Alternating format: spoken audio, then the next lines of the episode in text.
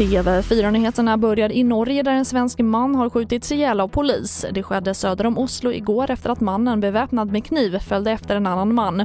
Polis larmades till platsen och enligt den norska polisen uppstod en akut kritisk situation under ingripandet som gjorde att man kände sig tvungen att avlossa skott. Däremot så beskriver polisen själva dödsfallet som oönskat och tragiskt.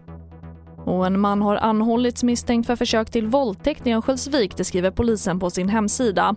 Polis kallades till platsen vid 15-tiden igår efter att en kvinna blivit överfallen av en okänd man utomhus, men hon lyckades fly. Under kvällen grep polisen en man som senare anhölls. Och efter kritik från covid-patienter ska nu skillnaderna mellan hur olika regioner har hanterat patienter med post-covid-symptom utredas. När Ekot gjorde en granskning visade sig att bara sju av landets 21 regioner har post-covid-mottagningar. Vi har ju då medlemmar som är sängliggande i tillstånd i vissa regioner som man faktiskt utreder och behandlar i andra och det är ju oerhört allvarligt för det är inte var man bor som ska avgöra vilken sorts vård man får och chansen att tillfriskna. Och det sa Åsa Kristoffersson Hedlund, ordförande på Svenska covidföreningen som får avsluta TV4-nyheterna. Jag heter Charlotte Hemgren.